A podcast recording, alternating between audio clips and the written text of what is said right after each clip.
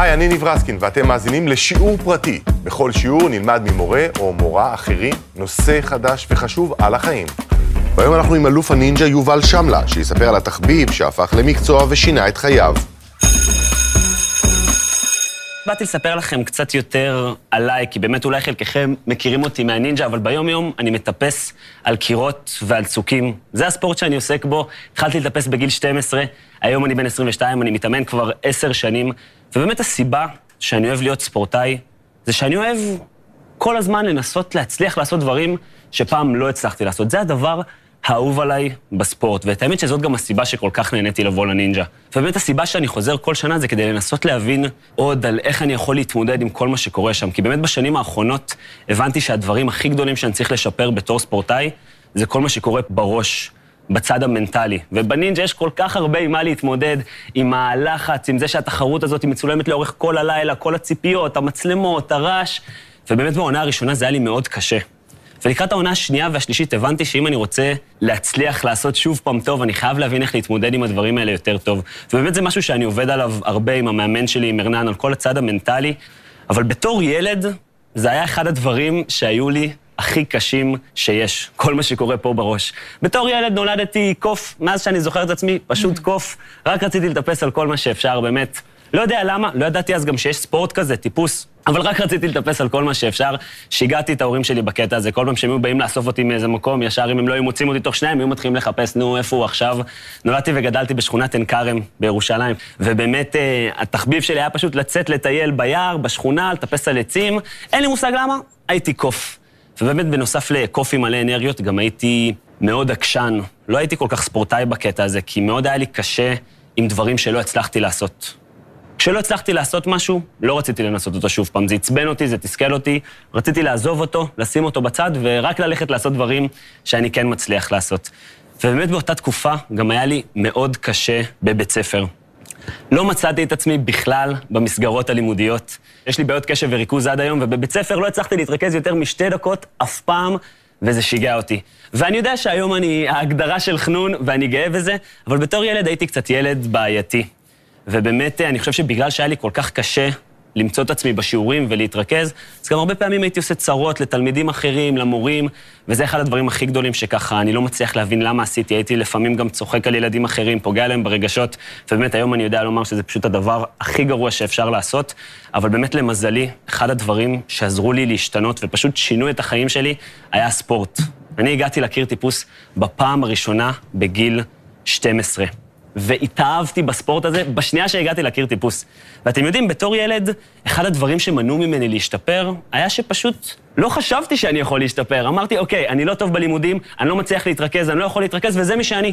ואין לי מה לעשות עם זה. אני לא טוב, וזה מה שקורה, בוא נלך לעשות דברים שאני כן טוב בהם. ובאמת בשנייה שהגעתי להכיר טיפוס, פתאום כל התפיסה שלי השתנתה. כי אתם יודעים, ישר באתי, התלהבתי בטירוף, רציתי לטפס על כל המסלולים בקיר, ומשהו מאוד מיוחד קרה בקיר טיפוס, כי פתאום לא הצלחתי את המסלולים הראשונים שניסיתי, כי לא הייתי טוב בזה על ההתחלה.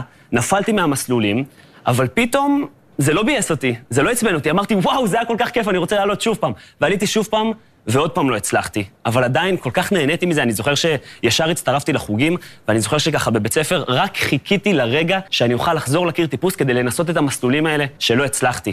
ואני זוכר את המסלול האמיתי הראשון שהצלחתי. לקח לי משהו כמו שלושה שבועות לעשות אותו, ובאמת התחושה שהייתה לי כשסיימתי אותו, היה הדבר הכי מדהים בעולם. פתאום הייתי כל כך מאושר, ואני חושב שזאת הייתה הפעם הראשונה בחיים שלי שהצבתי לעצמי יעד, מטרה, שאני בחרתי לעצמי, ופתאום הצלחתי לעשות את זה. אחרי שלושה שבועות שלא הצלחתי מסלול, פתאום להצליח אותו, התמכרתי לתחושה הזאת של להציב לעצמך יעדים ומטרות ולנסות לעמוד בהם. וזאת הסיבה גם שאני אוהב להיות ספורטאי עכשיו, כל הזמן לחפש את הדברים האלה. וזאת הסיבה שהטיפוס שינה לי את התפיסה. כי הוא גרם לי להבין שדווקא הדברים שאני לא מצליח על ההתחלה, דווקא הדברים שלוקח לי זמן לעשות, הם הדברים שבסוף אני אהיה הכי שמח להצליח לעשות. הטיפוס לימד אותי, במיוחד בשנים האחרונות, שכמו שכל שריר בגוף, אם אני רוצה לחזק אותו, אני פשוט מתאמן, ואז הוא מתחזק, אז ככה זה גם עם כל הדברים שיש לנו במוח. המוח הוא כמו כל שריר בגוף. ואם יש משהו שככה קצת קשה איתו, פשוט צריך למצוא את הדרך להתאמן עליו, ואז משתפרים. כמו קסם, וזה הדבר האהוב עליי בספורט. ובאמת הטיפוס לא רק גרם לי להבין את זה, הוא גם הראה לי איך לעשות את זה, איך לגשת ליעדים, איך לגשת למטרות. כי מה שאנחנו עושים בטיפוס זה שאנחנו קודם כל מסתכלים על המסלולים, אנחנו מתכננים אותם טוב טוב מהרצפה.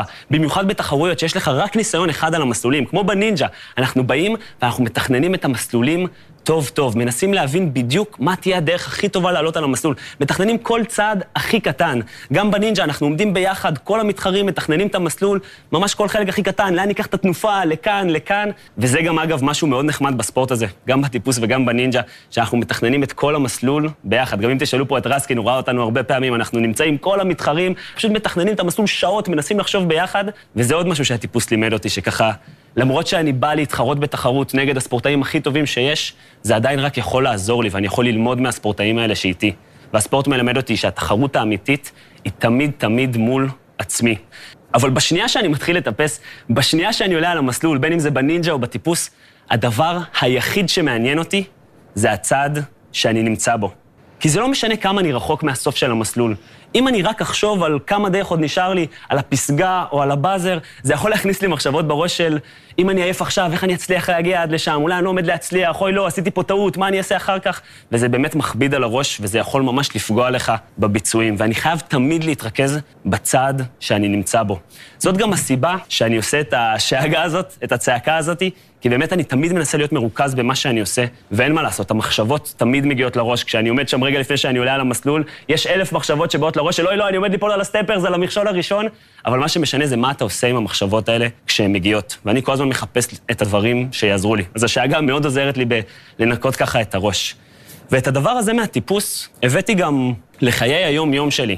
והיום כל יעד, כל מטרה, כל חלום שיש לי שאני רוצה להגשים, אני מסתכל עליו כאילו זה מסלול טיפוס. אני מסתכל קודם כל לאן אני רוצה להגיע, מה היעד, מה המטרה, מה החלום, ואחר כך אני מפרק את זה לצעדים. אני בונה לעצמי מסלול כדי להגיע לשם. מתכנן טוב טוב את כל הצעדים שיבנו אותי בדרך למטרה הזאת. וכשאני מתחיל, אני מתרכז כל כולי רק בצעד הראשון. רק בצעד הראשון, וכשאני מסיים את הצעד הראשון, אני ממשיך לצעד השני, וככה אני ממשיך עד באמת לרגע הזה שאני מגיע לאן שאני רוצה להגיע, למטרה הזאת. והרבה פעמים צריך להיות מאוד יצירתי כדי לחשוב מה יהיו הצעדים הכי טובים, ואני מנסה לחשוב עליהם באמת טוב-טוב, אבל בשנייה שאני מתחיל, להתרכז רק בצעד שאני נמצא בו. כי שמתי לב הרבה פעמים שזה ממש כיף להציב לעצמך מטרות גדולות וחלומות, וזה באמת כיף, אבל אז הרבה פעמים, יום אחר כך, אתה פתאום אומר, וואי, אין סיכוי שאני עומד להצליח להגיע עד לשם. מה הקשר ביני לבין המקום הזה? זה עומד להיות דרך ארוכה מדי, אני לא עומד להצליח לעשות את זה. אבל בדיוק כמו במסלולים, כשאתה מפרק את זה לצעדים, זה נראה אפשרי, וזה משהו שמאוד עוזר לי. ובאמת, עם כל הכבוד גם לטיפוס, יש עוד מישהי שמאוד עזרה לי לחשוב את כל הדברים האלה ולהגיע לכל המסקנות האלה, וזאת אימא שלי. ובאמת, יש לי זיכרון מאוד גדול, ככה סיפרתי לכם. הייתי ילד קצת בעייתי בבית ספר, ואני ממש זוכר כל פעם שקיבלתי את התעודה בסוף שנה, ממש אה, עד שהגעתי לתיכון, התעודות היו ממש ממש גרועות, ואני מתתי מפחד מהרגע שאני אביא את התעודה לאימא שלי. אמרתי, אוי לא, בכל המקצועות, על הפנים, מה היא תעשה, היא תקרא את זה. באמת, זה היה ככה רגע תמיד נורא מלחיץ. ויש לי זיכרון מאיזה יום אחד, מאיזה סוף שנה, שאני בא לאימא שלי עם התעודה. תעודה ממש על הפנים, אני מביא לה את התעודה, היא קוראת אותה, היא קוראת אותה ככה טוב-טוב, כל חלק בתעודה, מסיימת לקרוא, מסתכלת עליי ואומרת לי, יובל, השתפרת בשיעורי אנגלית, עכשיו סושי. הולכים לחגוג, ואני לא הבנתי מה היא רוצה ממני ואיך היא אומרת לי את זה. הייתי בשוק שאנחנו הולכים לחגוג מזה שהשתפרתי בשיעורי אנגלית. באמת הייתי מאושר, הלכנו לאכול סושי, הלכנו לחגוג, והיא באמת אמרה לי שהיא מאוד שמחה שהשתפרתי בשיעורי אנגלית, ושהיא בטוחה ששנה הבאה אני אשתפר בעוד דברים. וזה ממש חיזק אצלי את ההבנה שאני תמיד תמיד צריך להסתכל ולהתרכז בניצחונות הקטנים.